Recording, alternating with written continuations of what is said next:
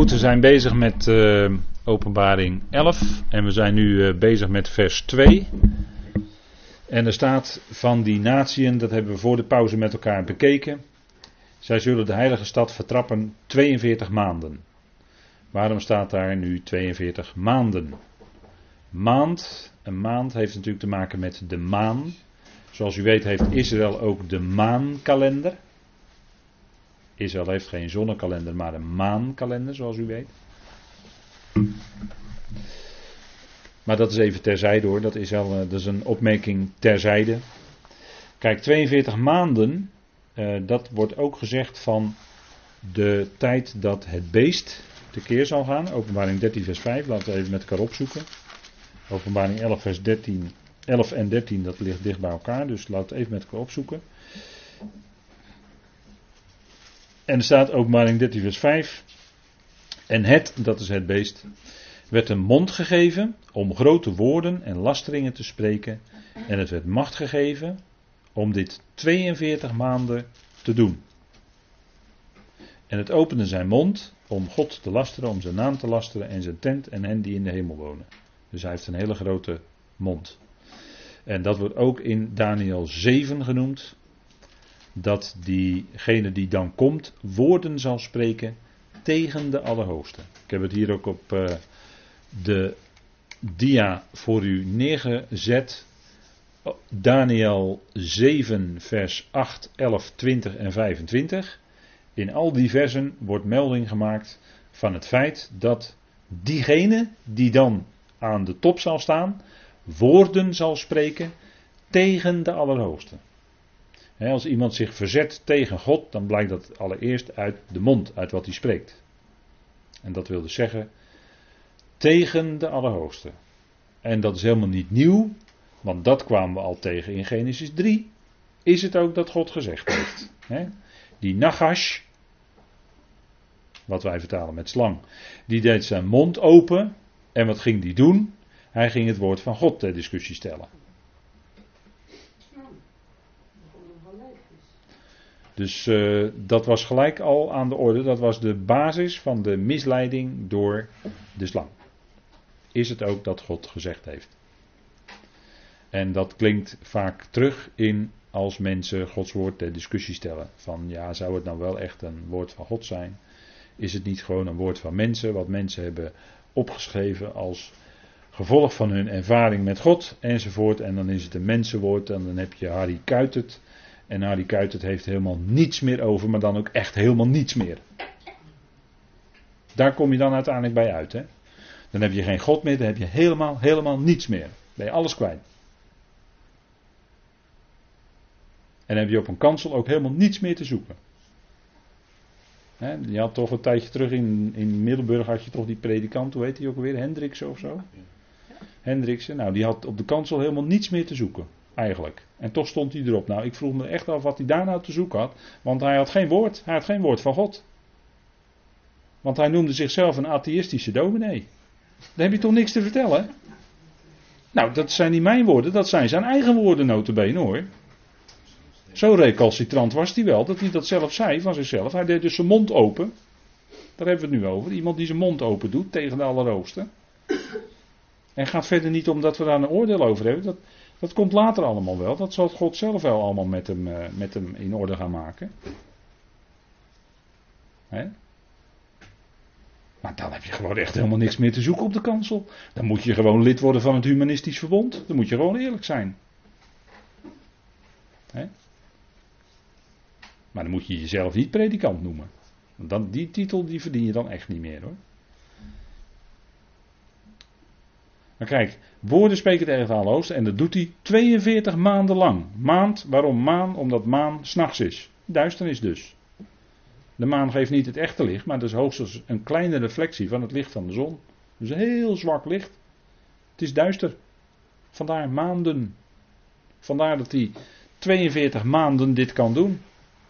En vandaar dat die heidenen de stad nog zullen kunnen vertrappen. 42 maanden, want dan is het geestelijk duisternis. De waarheid is op de aarde geworpen. Er is een krachtige dwaling, een leugen zal regeren. er was zo'n programma van de VARA, de leugen regeert. Nou, in die zin hadden ze wel gelijk, ja. de leugen regeert. Maar ze hadden niet door dat die strekking van die titel veel verder ging dan ze zelf vermoeden. 42 maanden. Nou, ze zullen de stad vertrappen 42 vandaar maand, hè? Maand, s'nachts. En daartegenover zullen de twee getuigen optreden. Kijk, dat is het licht. Zij getuigen, dat is licht. Want zij spreken het woord. Zij profeteren. He, profeteren is het woord van God spreken. Is niet, niet direct in eerste instantie de toekomst spreken, maar is in eerste instantie het woord van God spreken. Dat is profeteren. en voor de pauze zei ik heel even in de snelheid: God spreekt. Nou, God is geest en is onhoorbaar, onzichtbaar. Als God spreekt, is het altijd via zijn zoon en via allerlei hemelse en aardse boodschappers, dus hemelse boodschappers en mensen die als boodschapper optreden. dus als God spreekt, is dat altijd door bemiddeling van boodschappers, mensen, zijn eigen zoon, eh, noem maar op. Hè. God zelf is geest, die is onhoorbaar en onzichtbaar. Even voor alle duidelijkheid. Hè. En dan zijn er in die tijd, waarin het dus zo duister is dat het 42 maanden wordt genoemd, is het toch het licht, want hij zal twee getuigen geven. En we weten dat in de schrift zegt dat op twee of drie getuigen zal een zaak vaststaan. Staat in de wet, hè, staat in de Torah. Overigens in, moet u maar eens nazoeken in de Torah in welk verband dat is. Dat is dan toch nog wel weer bijzonder. Maar ik zal mijn twee getuigen geven en ze zullen in rouwkleding gekleed. Het is rouw, want het is een hele moeilijke tijd. En er is heel veel ongeloof. En er is heel veel weerstand. Dus vandaar rouwkleding. En er zal dan ook heel veel, ja ik moet het toch zo zeggen, er zal ook heel veel sterven, dood zijn in die tijd. Vandaar rouwkleding. Het is helemaal niet zo opwekkend, de omstandigheden waarin ze zijn. Dus ze, ze, ze moesten zich aanpassen met hun kleding. In rouwkleding. En uh, in, letterlijk uh, in zak en as zeiden ze vroeger. Maar rouwkleding. Hè? En dan 1260 dagen. En dat is wel aardig dat dat dag is. Hè? Want God in Genesis 1 noemde het licht dag. Weet u wel, de eerste vers van de Bijbel. Hè? God noemde het licht dag. Dus het dag heeft alles te maken met het licht. En vandaar dat zij 1260 dagen profeteren. Want hun woord brengt licht. De opening van uw woorden verspreidt licht. Uw woord is een lamp voor mijn voet en een licht op mijn pad. Ziet u het? Dan hebben we weer even kortsluiting hè, in de schrift. Hè? Op die manier. Hè? Kortsluiting in de goede zin. 1260 dagen. Dat is dezelfde periode, maar hier staat dus het woord dag op de voorgrond. Het licht dus. Want God is licht en in hem is in het geheel geen duisternis. En als hij spreekt, brengt dat per definitie licht. In Genesis was dat zelfs het letterlijke licht in de stoffelijke wereld. Maar wat nog veel belangrijker is, dat zijn woord licht verspreidt in geestelijke zin. Dat we geestelijk licht hebben. Daarom kon de Heer Jezus van zichzelf ook zeggen: Ik ben het licht van de wereld. Prachtige metafoor, hè? Schitterend. Als hij spreekt, dan brengt dat licht. Hij is het licht. Hè? Hij is het woord en dus ook het licht. Want in het woord was leven en het leven was het licht voor de mensen. Weet u wel, Johannes 1. Hebben we weer kortsluiting, hè? Zo heb je dat steeds in de schrift. Nou, 1260 dagen lang zullen zij profeteren, profetisch spreken. En dat zal de mensen in de oren pijn doen, want ze zijn veel meer gewend aan de leugen. En dan leven ze helemaal in de tijd dat het goede kwaad wordt genoemd en het kwade goed. En dat is in onze tijd natuurlijk ook al zeer hevig aan de orde. Hè? Dat men het goede kwaad noemt en het kwade goed.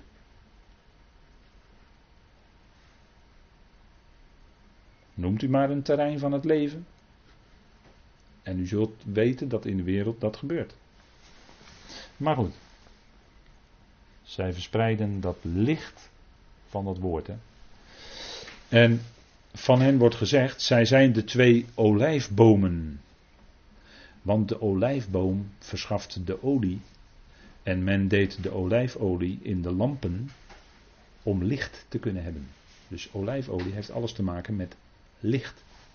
Vandaar ook dat de olijfboom in de schrift symbolisch staat voor lichtverspreiding. ook in dat bekende gedeelte van Romeinen 11 natuurlijk. Dan gaat het ook om het verspreiden van het licht. Het licht van het woord. zij zijn de twee olijfbomen. Prachtige symboliek hè. Daarom eh, vind ik een olijfboom altijd ook heel mooi om te zien.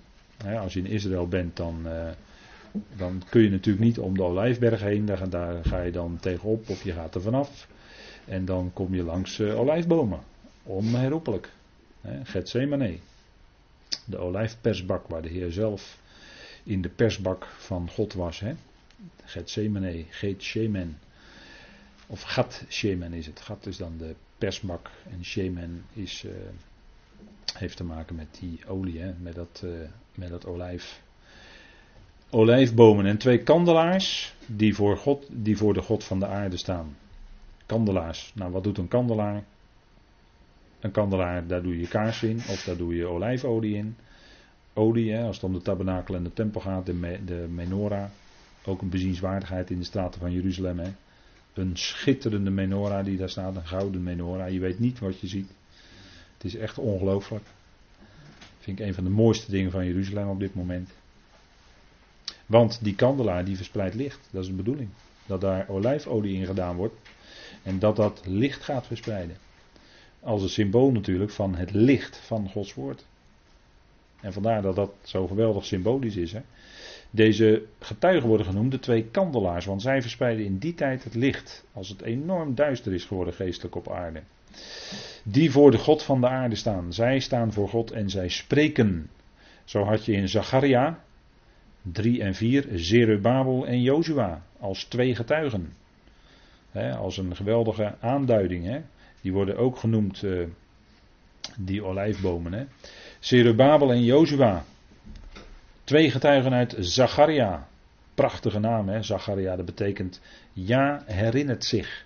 Het Hebreeuwse woord zakar betekent herinneren. En ja is natuurlijk de afkorting van de naam Yahweh, van God. En Zacharia is, betekent dan ook ja, herinnert zich. Prachtige betekenis, hè? En de betekenis van die twee is dat God dat doet niet door kracht, niet door geweld, maar door mijn geest. Zacharia 4 vers 6, hè? een van de sleutelversen van, je, van Zacharia. Niet door kracht, niet door geweld, maar door mijn geest. En dus ook door het woord, want de geest werkt door het woord. Dus zo zal God zijn plan volvoeren. En zij spreken dan, die twee getuigen. En dat is hoogstwaarschijnlijk in de tweede helft van de laatste jaarweek van Daniel. En dan in openbaring 11 vers 5. Als iemand hun schade wil toebrengen. En daar zullen er heel wat zijn hoor in die tijd. Er zullen heel wat, wat voor over hebben om die twee getuigen te doden. Maar ze zullen het niet kunnen. En als iemand hun schade wil toebrengen, komt er vuur uit hun mond en verslindt hun vijanden. Ook heel letterlijk dan, hè? En, want er zijn natuurlijk in die tijd zeker, vandaag de dag ook hoor, maar er zijn in die tijd zeker heel veel vijanden van het woord van God. En, heel, en net zoals er vandaag heel veel vijandschap is tegen het woord van God, zo zal het in die tijd nog veel sterker zijn. Zo mogelijk nog veel sterker.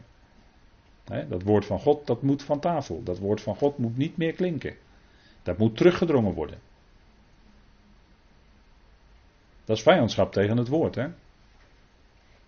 En dan in die tijd zullen er heel wat vijanden zijn die die profeet het liefst het zwijgen willen opleggen. Maar ze zullen het niet kunnen. Want zij zullen beschikken over een macht om die vijanden te doden door middel van vuur. Net zoals bij Elia in 2 Koningen 1, vers 9 tot 12, vuur van boven komt en de vijanden verslindt. Want er komen bij Elia, weet, kent u die geschiedenis van Elia? Er komen er twee keer 50 uh, eh, zogenaamde profeten, of 50 uh, naar twee groepen van 50 naar hem toe. En er komt twee keer vuur van boven en verslindt ze. Want die hadden geen beste plannen met Elia. Nou, in die tijd, in openbaring, zullen die twee getuigen over eenzelfde soort kracht en macht kunnen beschikken. Zodat zij blijven leven en die dagen van hun profiteren vol zullen kunnen maken. want dan is het tijd van verdrukking. Van grote verdrukking zelfs over het volk. Dan staat er ook, zij hebben de macht de hemel te sluiten, zodat er geen regen zal vallen in de dagen van hun profeteren. En bij wie was dat nog meer? Bij Elia. 1 Koningen 17, hè? 1 Koningen 17. Elia bad een gebed. Elia was net zo'n mens als wij en hij bad een gebed en het regende niet. Gedurende een lange tijd, zo'n zo'n 3,5 jaar. En toen bad hij weer een gebed en toen kwam er ineens in de verte een klein wolkje. En dat werd me toch een enorme stortbui. Maar al die dagen op zijn gebed regende het dus niet. En die getuigen zullen dan in die tijd ook die macht hebben. En, ehm, en de getuigen, dat wil dus zeggen, waarom zegt de openbaring dit? Dat die getuigen die zullen komen in de geest en de kracht van Elia. En dat klinkt wel bekend, hè? want dat zei de Heer Jezus ook van Johannes de Doper. Dat die gekomen was in de geest en de kracht van Elia. En zo, eh, er is ook een profetie dat eerst moet Elia komen. Vandaar dat de Joden bij Pesach nog een stoel voor Elia klaarzetten. Hoe is die lege stoel? Nou, is voor Elia. Staat ook in de hè? Lege stoel voor Elia. Dat is bekend gegeven uit Jodendom. En Johannes de Doper, dat was degene die kwam als in de kracht van Elia. Hè? De Heer Jezus zei ook, jullie verwachten Elia. Maar hij zei van Johannes de Doper, hij is Elia die komen zou. Hij was Elia de voorloper. Dus, maar nu is nu altijd de vraag, de, altijd de vraag is, en er wordt altijd heel veel over gepraat, met uh, onderling, hè, wie zijn nou eigenlijk die twee getuigen? Want het lijkt net alsof een van die getuigen Elia is, als je ziet wat voor macht ze hebben. En die andere Mozes, hè, want die kan water in bloed. Dus kunnen ook water in bloed veranderen. En dat deed Mozes ook in Egypte. Dus veel mensen denken dan dat die twee getuigen Mozes en Elia zijn. Maar nu gaan we eens even in de schrift kijken of dat ook zou kunnen. Of dat Mozes en Elia kunnen zijn. Of eventueel, hebben we nog iemand, de kandidaat? Henoch. Henoch, ja precies. Die gaan we ook bekijken. Ze zijn natuurlijk alle drie niet gestorven. Dat gaan we bekijken of dat zo is. Of de schrift dat ook zo zegt. Of we daar ook bewijzen voor hebben dat het misschien toch anders is. Hè? Nou, dan gaan we eerst kijken naar Elia. Is Elia nu een van die twee getuigen? Dan gaan we met elkaar opzoeken. Hè? Elia, u weet, hij liep op met Elisa. En daar kwamen die paarden met vurige wagens en daar gebeurde iets. Nou, gaan we kijken. 2 Koningen 2, vers 11.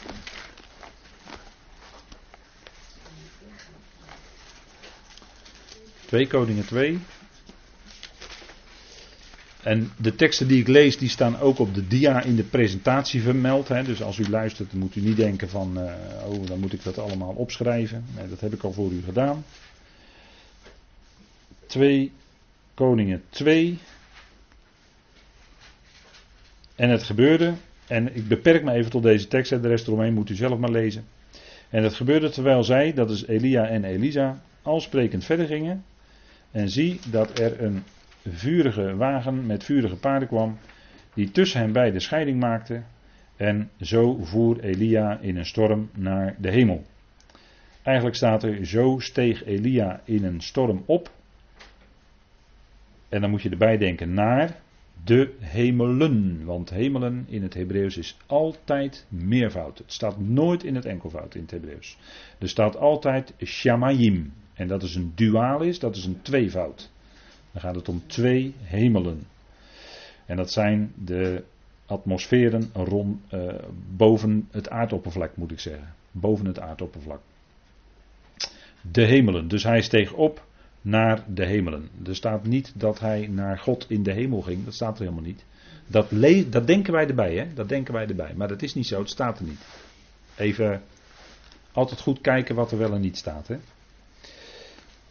En in Johannes 3, vers 13, daar is de Heer Jezus in gesprek met Nico, Nico niet Nico Telinden, maar met Nicodemus. En het zou wel goed voor Nico Telinde zijn als hij eens echt in gesprek zou zijn met de Heer Jezus. Maar goed, dat komt nog. Dat is voor Nico ook nog toekomstmuziek. Hè? Dat hij echt in gesprek kan met de Heer Jezus. En dan gaat hij van de Heer Jezus horen hoe het zit.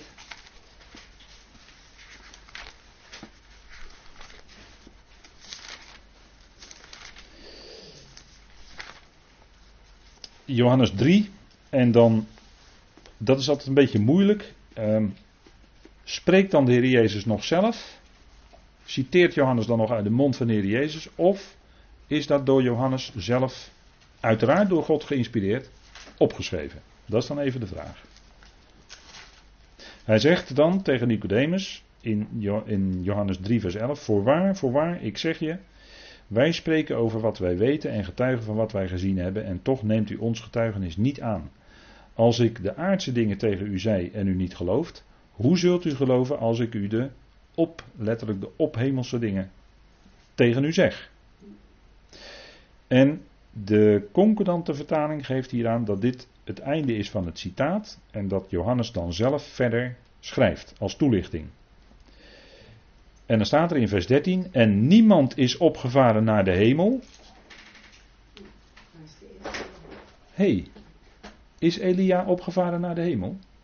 Nee, want hier staat: Niemand is opgevaren naar de hemel dan hij die uit de hemel neerdaalt, de zoon des mensen, die in de hemel is.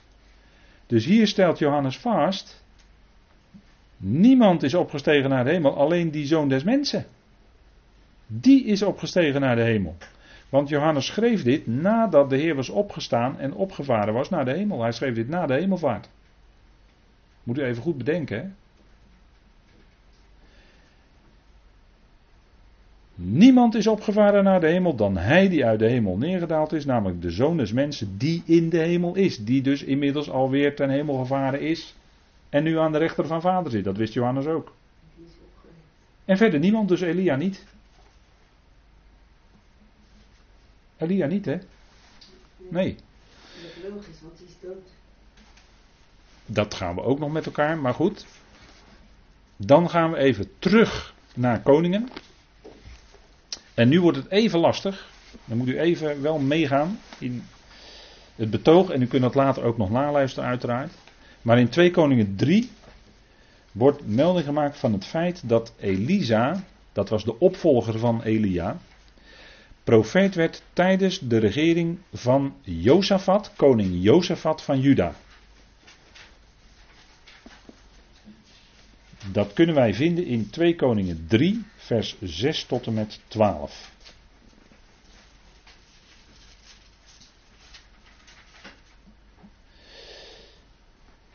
En we lezen daar in 2 Koningen 3, vers 6. En je moet even dit, nou, u kunt dit naluisteren, dus dan kunt u op uw gemak het even verder uit, helemaal uitweiden voor uzelf. Daarom verliet koning Joram, dit was koning Joram van het noordelijke tienstammenrijk. U weet, in die tijd was het Israël verdeeld in een noordelijk rijk van tien stammen en een zuidelijk rijk van twee stammen. En beide rijken hadden zo hun koningen, koningslijn. En koning Joram was toen koning van het noordelijke tienstammenrijk. Daarom verliet koning Joram in die tijd Samaria, want dat was toen de hoofdstad van het tienstammenrijk. En monsterde heel Israël. En Israël hier is een aanleiding van de tien stammen. Ook dat maakt het soms voor ons een beetje verwarrend. Hè? Maar je moet het even goed uit elkaar houden. En hij ging op weg en stuurde een boodschap naar Jozefat, de koning van Juda. Dus dat was de koning van het zuidelijke tweestammenrijk. En hij zei: De koning van Moab is tegen mij in opstand gekomen. Wilt u met mij ten strijde trekken tegen Moab? Hij zei: Ik zal optrekken en ik ben als u. Mijn volk is als uw volk. Mijn paarden zijn als uw paarden. En hij zei: Langs welke weg zullen wij optrekken? Hij zei: Langs de weg van de woestijn van Edom. Zo trokken de koning van Israël, Joram dus, de koning van Juda, Jozefat dus, en de koning van Edom ten strijde. En toen zij zeven dagreizen een omtrekkende beweging gemaakt hadden, hadden het leger en het vee dat hen volgde geen water meer. Toen zei de koning van Israël: Ach, dat de Heer nu toch deze drie koningen geroepen heeft om hen in de hand van Moab te geven. Jozefat zei: Is hier geen profeet van de Heer door wie wij de Heer kunnen raadplegen? Toen antwoordde een van de dienaren van de koning en van Israël en zei: Hier is Elisa, de zoon van Safat, die water op de handen van Elia goot. En Jozefat zei: Het woord van de Heer is bij hem. Toen gingen de koning van Israël en Jozefat en de koning van Edom naar hem toe. Dus Elisa was profeet geworden in de tijd dat koning Jozefat als koning van Juda regeerde. En toen was koning Joram koning van het noordelijke tienstammenrijk. Ja, dat is punt 1. Dan gaan we naar het volgende punt, dat is 2 Koningen 8. Daarin wordt vastgesteld dat na Jozefat een andere Joram komt, die koning wordt over het zuidelijke tweestammenrijk. Dus dan heb je een Joram als koning over het noordelijke en een Joram als koning over het zuidelijke. Maar dat zijn twee verschillende Jorams. En ik vraag me af, als je nou zondagschool geeft aan kinderen, hoe je dat moet, dit moet uitleggen. Dat is al lastig genoeg, denk ik. 2 Koningen 8. En daar lezen wij als bewijs van wat ik net zei. In het vijfde jaar van Joram, de zoon van Agab, de koning van Israël, dat is dus van het noordelijke tienstammenrijk. Toen Jozefat koning was van Juda, het zuidelijke rijk, begon Jehoram, en je kunt het ook zeggen als Joram, de zoon van Jozefat, de koning van Juda, te regeren. Hij, Joram van Juda, was 32 jaar oud toen hij koning werd en hij regeerde 8 jaar in Jeruzalem. Dus na Jozefat komt Joram als koning. Ja. Tijdens Jozefat was Elisa profeet geworden, de profeet van Israël. Elia was uit beeld geraakt, om het zo maar te zeggen. En dan gaan we nu naar 2 Kronieken 21. 2 Kronieken 21.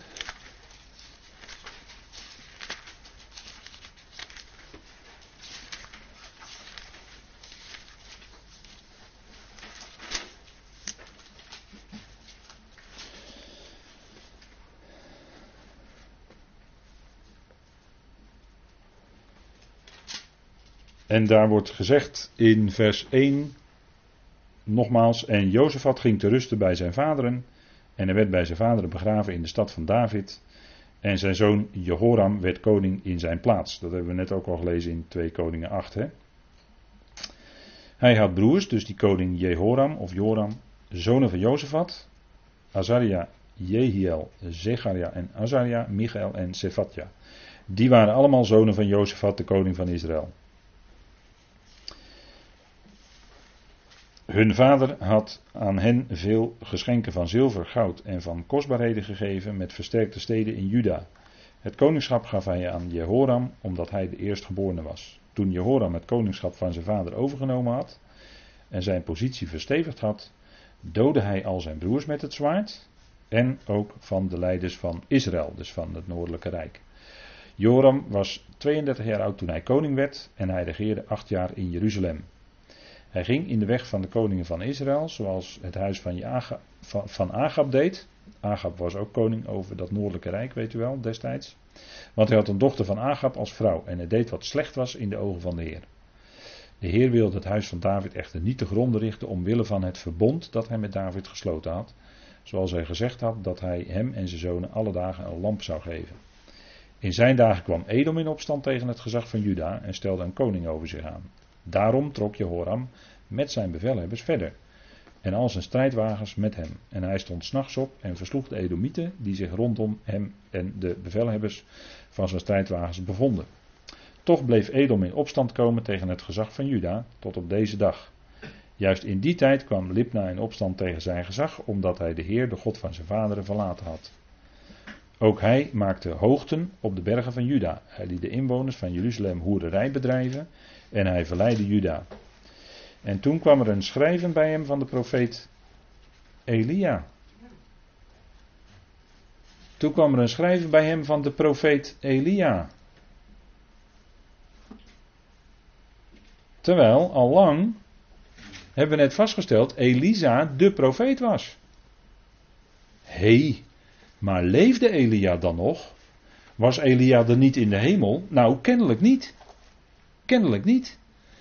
Kennelijk was Elia nog steeds gewoon in Israël aanwezig. Alleen niet meer als de profeet, want dat was Elisa. Maar ergens op een, eh, ja, op een plek waar hij dan moest zijn. Waar dan ook maar. Dat doet er niet toe. Want dat had een goede inhoud, dat schrijven van Elia. Zo zegt de Heer, de God van uw vader David, omdat u niet in de wegen van uw vader Jozefat en in de wegen van Asa, de koning van Juda, gegaan bent, maar gegaan met in de weg van de koning van Israël. Omdat u Juda en de inwoners van Jeruzalem hoererij hebt laten bedrijven, met andere goden dus. Zoals het huis van Agab hoererij heeft laten bedrijven. En u bovendien uw broers, uw familie hebt gedood, die beter waren dan u. Zie, daarom gaat de Heer u treffen met een grote plaag onder uw volk, onder uw kinderen, onder uw vrouwen en onder al uw bezittingen. En zelf zult u door een zware ziekte getroffen worden, door een ziekte aan uw ingewanden, totdat tenslotte uw ingewanden naar buiten komen vanwege de ziekte. Dat schreef Elia dus, die dus kennelijk toen nog steeds leefde, want die was op de hoogte van de hele situatie, aan koning Joram, de opvolger van koning Jozefat. Terwijl Elisa al lang de profeet was. Maar kennelijk speelde Elia nog steeds op een of andere manier een rol, want dat schrijven had wel degelijk natuurlijk impact. Hij, nog, hij, was nog steeds profeet. Alleen nu op tweede plan. Dat was nou Gods bedoeling. Maar hij leefde nog steeds. En hij was gewoon op aarde. Hij was gewoon te midden van zijn volk. En wat is dus eh, daarna gewoon gebeurd? Hij is gewoon net de gang gegaan als alle Adamieten. Hij is gewoon gestorven. Er is geen enkele aanleiding in de schrift om te veronderstellen dat Elia nu nog zou leven. Anders moet u mij dat aantonen uit de schrift dat het zo is. Ziet u het? Dat geldt dus voor Elia. Hè? Dus ja, eigenlijk, eigenlijk moeten we dan zeggen: Elia is gestorven. Elia is dood. En we hebben net in Johannes 3 ook gelezen: niemand is opgevaren naar de hemel. Alleen de Heer Jezus Christus is daar aan de rechter van Vader, die nu alleen onsterfelijkheid heeft, staat er in 1 Timotheus 6. Hij heeft nu alleen onsterfelijkheid. Dat is de enige. Verder niemand. En, en, en Petrus zegt toch ook op de Pinksterdag dat David niet opgevaren is naar de hemel? Dat zegt Petrus toch op de Pinksterdag? Nee, David is dood. En dan zegt hij: het graf is onder ons tot op deze dag. Nou, dat geldt ook voor Elia. Gewoon hetzelfde verhaal. Verder, eh, alleen de Heer Jezus is in de hemel. En qua mensen is verder de hemel leeg. Er is geen enkel mens in de hemel. Ja? Goed, Elia hebben we nu gehad, hè? Als een van de getuigen. Dan hebben we Mozes. Mozes die water in bloed kon veranderen, weet u wel, in eh, Egypte. Want het wordt gezegd in openbaring 11 vers 6, ze hebben macht over de water om die in bloed te veranderen en te treffen met allerlei plagen, zo vaak als zij dat willen. Nou, dat is een teken wat Mozes kon doen. Mozes kon ook wonderen en tekenen doen. En die getuigen hebben ook die macht. Zou Mozes misschien een van die getuigen kunnen zijn? Nou, we gaan eens kijken hoe dat met Mozes zit. En er zijn twee getuigen die als een Mozes en als een Elia tegenover de wetteloze en de antichrist staan hè, in die tijd. Dus je hebt twee tegenover twee in die tijd. Ook even een notitie terzijde. Hè. Goed, gaan we kijken naar Mozes. Is Mozes een getuige? Nou, we gaan kijken in Deuteronomium 34. Over het einde van Mozes gaan we lezen. Deuteronomium 34. Kijk, u moet mij niet geloven hoor. U moet gewoon geloven wat de schrift zegt. Hè. Het gaat niet om mij, het gaat om wat daar staat geschreven natuurlijk. Hè.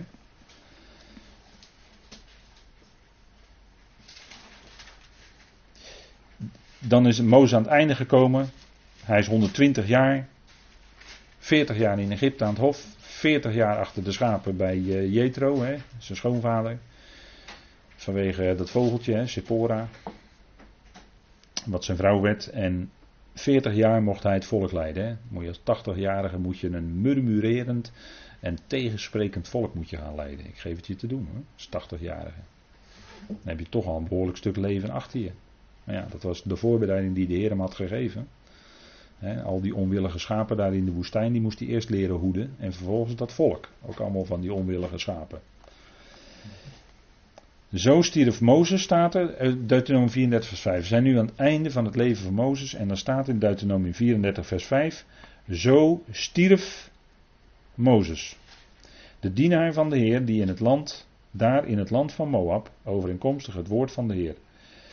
En hij, de Heer zelf dus, begroef hem in een dal in het land van Moab. De plek wordt vermeld. Hè, tegenover Beet Peor. En niemand weet zijn graf tot op deze dag. Kijk, dat zijn graf niet gevonden wordt, dat is een andere zaak. Maar er staat duidelijk, Mozes stierf. Mozes nu was 120 jaar oud toen hij stierf. Staat er nog een keer, hè? Zijn oog was niet dof geworden en zijn kracht was niet vervlogen. Hij had dus geen laserbehandeling nodig gehad. Hij had gewoon een goede ogen. En de Israëlieten beweenden Mozes in de vlakte van Moab 30 dagen lang. Toen waren de dagen van het bewenen en de rouw van Mozes voorbij. Dan komt zijn opvolger Jozua. En wat lezen we in Jozua 1 vers 1? En het gebeurde na de dood van Mozes. Na de dood van Mozes, dat staat er. Dus Mozes leeft niet nu. Hij is dood. Staat daar. Na de dood van Mozes, de dienaar van de Heer, dat de Heer tegen Jozua, de zoon van Nun, de dienaar van Mozes, zei, enzovoort. Mijn dienaar, nou staat er nog een keer, hè, vers 2. Mijn dienaar Mozes is gestorven. Nou, nu hebben we duidelijk kunnen vaststellen dat Mozes gestorven is, dat hij dood is en dus niet leeft. Want dat zegt de schrift, hè. Dood is dood en dat is niet een andere vorm van leven. Nu staat er in Judas, en daar komen dan natuurlijk mensen mee aanzetten. Ja, maar er staat toch in Judas. Oké, gaan we in Judas kijken.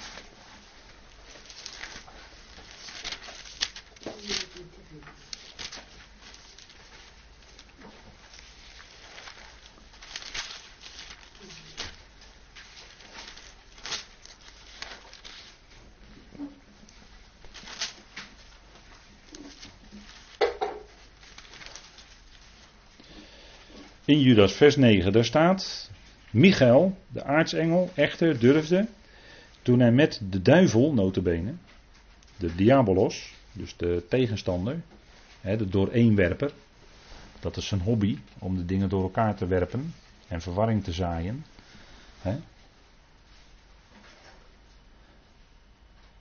Dus verdeeldheid te maken. Ik, ik heb dat ergens vaker gehoord. Verdeel, verdeel en heers, heb ik ergens gehoord van iemand. Uh, een zekere Machiavelli of zo. Machiavelli, moet je maar eens opzoeken, Wikipedia. Maar hier gaat het over Michael. Michael de aartsengel echter durfde toen hij met de duivel, de diabolos, de dooreenwerper, reden twiste en een woordenwisseling had over het lichaam van Mozes. Geen oordeel van lastering uit te brengen, maar zij mogen de Heer u bestraffen. Dat is eigenlijk het enige. Er was een woordenwisseling tussen Michael en de duivel, de diabolos, over het lichaam van Mozes. Meer niet, er was een woordenwisseling. De Heer had hem gedood, Mozes. Hij had hem begraven. Plek wordt vermeld in Deuteronomium. Alleen men kon zijn graf niet vinden. En Judas zegt alleen maar dat er een woordenwisseling was in het hemelse bereik tussen de aartsengel Michael en de duivel over het lichaam van Mozes. Meer niet. That's all. We weten niet wat, hoe, de, hoe dat kwam, die woordenwisseling, of wat daar de bedoeling van was, of wat er dan met het lichaam van Mozes gebeurde, weten we verder allemaal niet. Wordt niet vermeld in de schrift. Dus dan moeten we het ook maar zo laten voor wat het is. Meer wordt er ook gewoon niet gezegd. En we kunnen natuurlijk gaan speculeren, maar ja, dat wordt al genoeg gedaan. Dus ja, als het gaat om Mozes, ja, we hebben duidelijk kunnen vaststellen, Mozes is overleden. Mozes leeft niet meer. Dus als het gaat om die twee getuigen, en we hebben antwoord nu op de vraag: is een van die getuigen Mozes misschien? Ja, als u het mij vraagt, niet, want de Bijbel zegt dat hij is overleden. En dan kan hij niet ineens optreden in Jeruzalem, lijkt mij. Goed, dan gaan we nog even kijken als laatste naar, dat is dan afsluiting voor vanavond, naar Henoch. Want Henoch wordt ook altijd genoemd als een van de mogelijke getuigen. Henoch. Is Henoch zo'n getuige? Gaan we even kijken in Genesis 5. Er wordt maar heel weinig vermeld eigenlijk over Henoch. Eerst Genesis 5.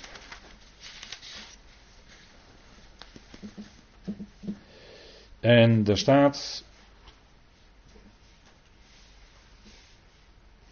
in vers, 22, vers 21: Henoch leefde 65 jaar en verwekte Methuselah.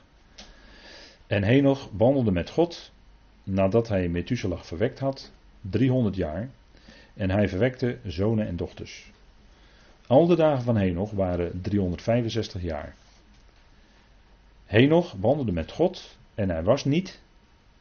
Er staat eigenlijk hij was niet. Want God nam hem. Meer wordt er niet gezegd. nog wandelde met God. Hij was niet, want God nam hem. Meer staat er niet. Hij werd betrekkelijk, uh, tenminste, hij leefde dus 365 jaar. En kennelijk daarna stopte dat dus. Kennelijk stopte het. Want God nam hem. en dan, deze hele geslachtslijn gaat natuurlijk over hoe lang die mensen leefden. En dat ze na zoveel jaar dus stierven. Dus je hebt uit de context veel meer aanleiding om te veronderstellen dat God hem wegnam. Dat God hem nam. En dat hij gestorven is. Dat God hem te rust heeft gelegd. Zo zou je dat ook kunnen zeggen. Gezien de context heb je daar veel meer aanleiding voor dan om te zeggen dat hij ergens anders is of in de hemel is. Want ja, hij is ook niet opgevaren naar de hemel. Hè? Dat hebben we al gelezen. Dat is onmogelijk. Dus hoe dat zit met Henoch. Laten we nog even kijken, want er wordt ook iets gezegd in Hebreeën 11. Hè? Hebreeën 11 wordt iets gezegd over Henoch. Over zijn geloof.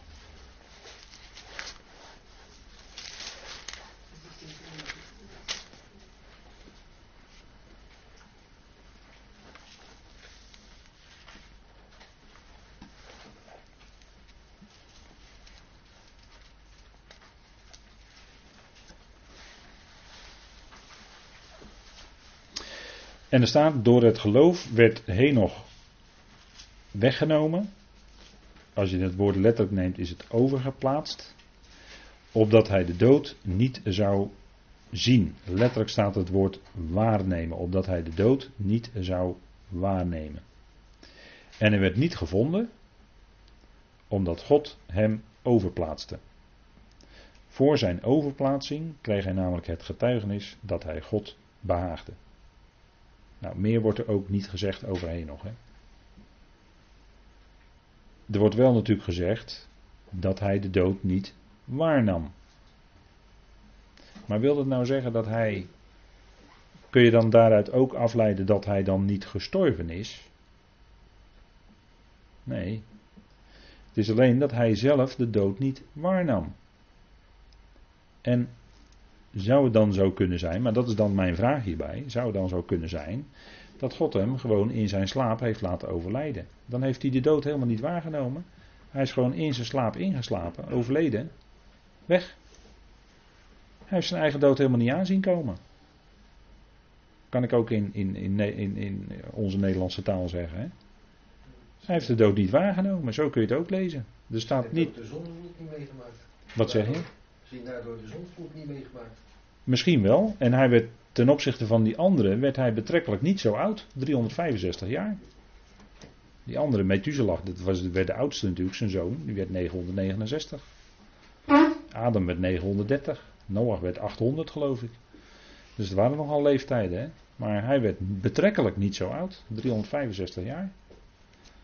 En er staat ook, hij leefde 365 jaar en toen was het over. Ja, dan moet je maar, kan je eigenlijk zeggen, dan is hij kennelijk gestorven. Want hoe zou dat anders kunnen zijn dan? En nou staat er in Hebreeën 11, vers 13, staat nog iets. er worden dan in het vervolg worden nog een aantal geloofsmensen genoemd. Dan hebben we in Hebreeën 11, vers 13 toch die uitspraak. Deze allen zijn in het geloof gestorven. En als er zou staan, deze zijn in het geloof gestorven, dan zou het kunnen slaan op die net genoemd zijn, Abraham en Sarah. Maar er staat, deze allen zijn gestorven in het geloof. En dan moet je toch denken aan, lijkt mij, maar ik geef het u maar mee ter overweging. Hè. Onderzoek deze dingen zelf of het ook zo is. Toets aan de schrift zelf of het ook zo is.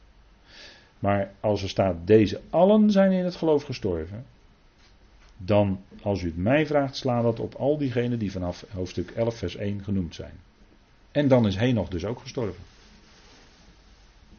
Dat vind ik een aanwijzing. Ik vind dat een aanwijzing in de schrift. en, uh, nou, dat volgend, dan hebben we dus eigenlijk ook heen nog niet als getuige in, openbaar, of, ja, in openbaring 11. Hè, bij die twee getuigen hebben we dus ook heen nog niet. Maar in openbaring 11 worden ook geen namen genoemd. Hè. Wordt alleen gezegd welke macht zij hebben. Dezelfde macht als een Elia, dezelfde macht als een Mozes. En dat moet het volk Israël natuurlijk enorm aanspreken. Hè, de wet en de profeten. Hè. En Mozes staat natuurlijk voor de Torah en Elia staat natuurlijk voor de profeten. En dat moet het, het volk natuurlijk geweldig aanspreken, dat ze die volmacht hebben. En ook mensen uit het volk overtuigen van hé, hey, dit zijn profeten van God. Maar hun namen worden niet genoemd. En wij vinden het altijd, hè, gelovigen vinden het altijd uh, fijn om daarover na te denken. En dat is ook fijn, dat is ook goed. Er is helemaal niks, niets, niets mis mee, absoluut niet. Alleen je moet ook niet te snel conclusies trekken. Als je zegt van het is die of het is die, moet je wel zorgvuldig de schriften afwegen of dat ook zo is. En dat heb ik vanavond willen aanreiken, een aantal schriftgegevens. Met aan u om voor uzelf na te gaan of die dingen ook zo zijn. Zoek het zelf na in de schrift. Hè. Raadpleeg zelf. Wees een bereer wat dat betreft. Dat uh, is altijd, denk ik, iets wat voor ons een bijbels iets is. En dan als allerlaatste, als afsluiter voor vanavond, Mozes, Elia en Henoch niet. Althans, dat is voorlopig mijn conclusie nu. Op grond van de schrift. Wie dan wel? In ieder geval twee getuigen die het licht van het woord van God brengen in de dikke geestelijke duisternis van de tweede helft van de 70ste jaarweek van Daniel. En dat is wat ons hoop geeft en dat is wat God ook doet. Dat hij ook in die duistere tijd geestelijk duistere tijd, dat licht van het woord geeft, dat licht van die profetische woorden geeft. En er zijn twee getuigen. En wat is dat geweldig dat God dan twee getuigen laat bestaan, die dan dat woord mogen spreken en tot bemoediging zijn van de gelovigen onder Israël. En dat woord dus doorgeven. Nou, dat is denk ik heel fijn. En dat is ook het licht dat wij hebben in de tijd waarin wij leven, waarin het geestelijk ook enorm duister aan het worden is. Wij hebben ook dat licht van het woord en dat is grote genade van God. Dat we dat hebben mogen hebben ontvangen. En dat is waar we geweldig dankbaar en blij voor kunnen zijn. Nou goed, ik wil afsluiten met een dankgebed. Zullen wij de Heer danken. Vader, wij danken u na deze avond waarin we nadachten over verschillende aspecten uit uw woord. Over de twee getuigen. Vader, waarin we een aantal schriftgegevens hebben verzameld. Dank u wel dat er twee getuigen zullen zijn, vader, en dat is de geweldige hoop en de verwachting die in die donkere tijd er zullen zijn namens u om uw woord te spreken.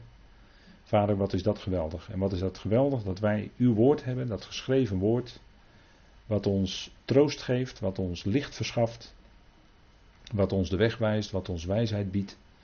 Ja, vader, alles wat we nodig hebben vinden we eigenlijk terug in uw woord. We leren u veel beter kennen door wat u spreekt.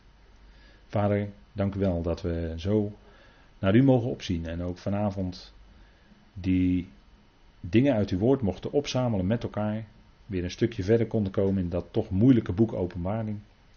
Vader, dank u wel dat u daarin woorden gaf, dat u ons een luisterend oor gaf, het geduld. Vader, dank u wel dat we zo als gelovigen weer bij elkaar mochten zijn rond dat ene woord van u. En dank u wel dat we hoop en verwachting hebben voor een geweldige toekomst. Vader, en we geloven dat het niet meer zo lang zal duren dat de bazuin zal klinken. En wij veranderd zullen worden. En tot een geweldige ontmoeting van de Heer in de lucht heel snel van deze aarde weggegrist zullen worden. Vader, we danken u daarvoor. We danken u dat u dat doet. Dat het helemaal buiten ons omgaat en dat dat genade is. Vader, dank u wel dat we daarbij mogen horen dat u ons dat geeft, die grote genade, om lid te zijn van het lichaam van Christus. Vader, wat geweldig is dat. Dank u wel dat u ons zo troost en bemoedigt. En dank u wel dat uw geliefde zoon alles voor ons heeft overgehad. Om ons vrij te maken van wat dan ook. Opdat we u in alle vrijheid en met ons hele hart u kunnen danken, loven en prijzen elke dag voor wat u geeft. Vader, we danken u daarvoor. We danken u voor uw liefde, trouw en goedheid. En we danken u dat u zo deze avond ons weer wilde geven. Ga met ons ook in de komende dagen, komende uren. Wees ons genadig nabij. Wees ook met hen die er niet bij konden zijn, om welke reden dan ook vanavond. Vader, wij zijn erbij en dank u wel dat u steunt en bemoedigt en onder. Uw armen zijn altijd onder en rondom ons. Dat is onze geweldige troost. Vader, we danken u daarvoor. We danken u voor die verbondenheid die we ook met anderen mogen hebben op afstand, die daardoor niet in staat zijn hier zelf te kunnen zijn, maar wel hartelijk met ons verbonden zijn. We danken u ook voor hen, Vader. Dank u wel dat u dat zo geeft en wilde geven deze avond. We danken u, wij loven en we prijzen u in die machtige naam van uw geliefde zoon. Amen.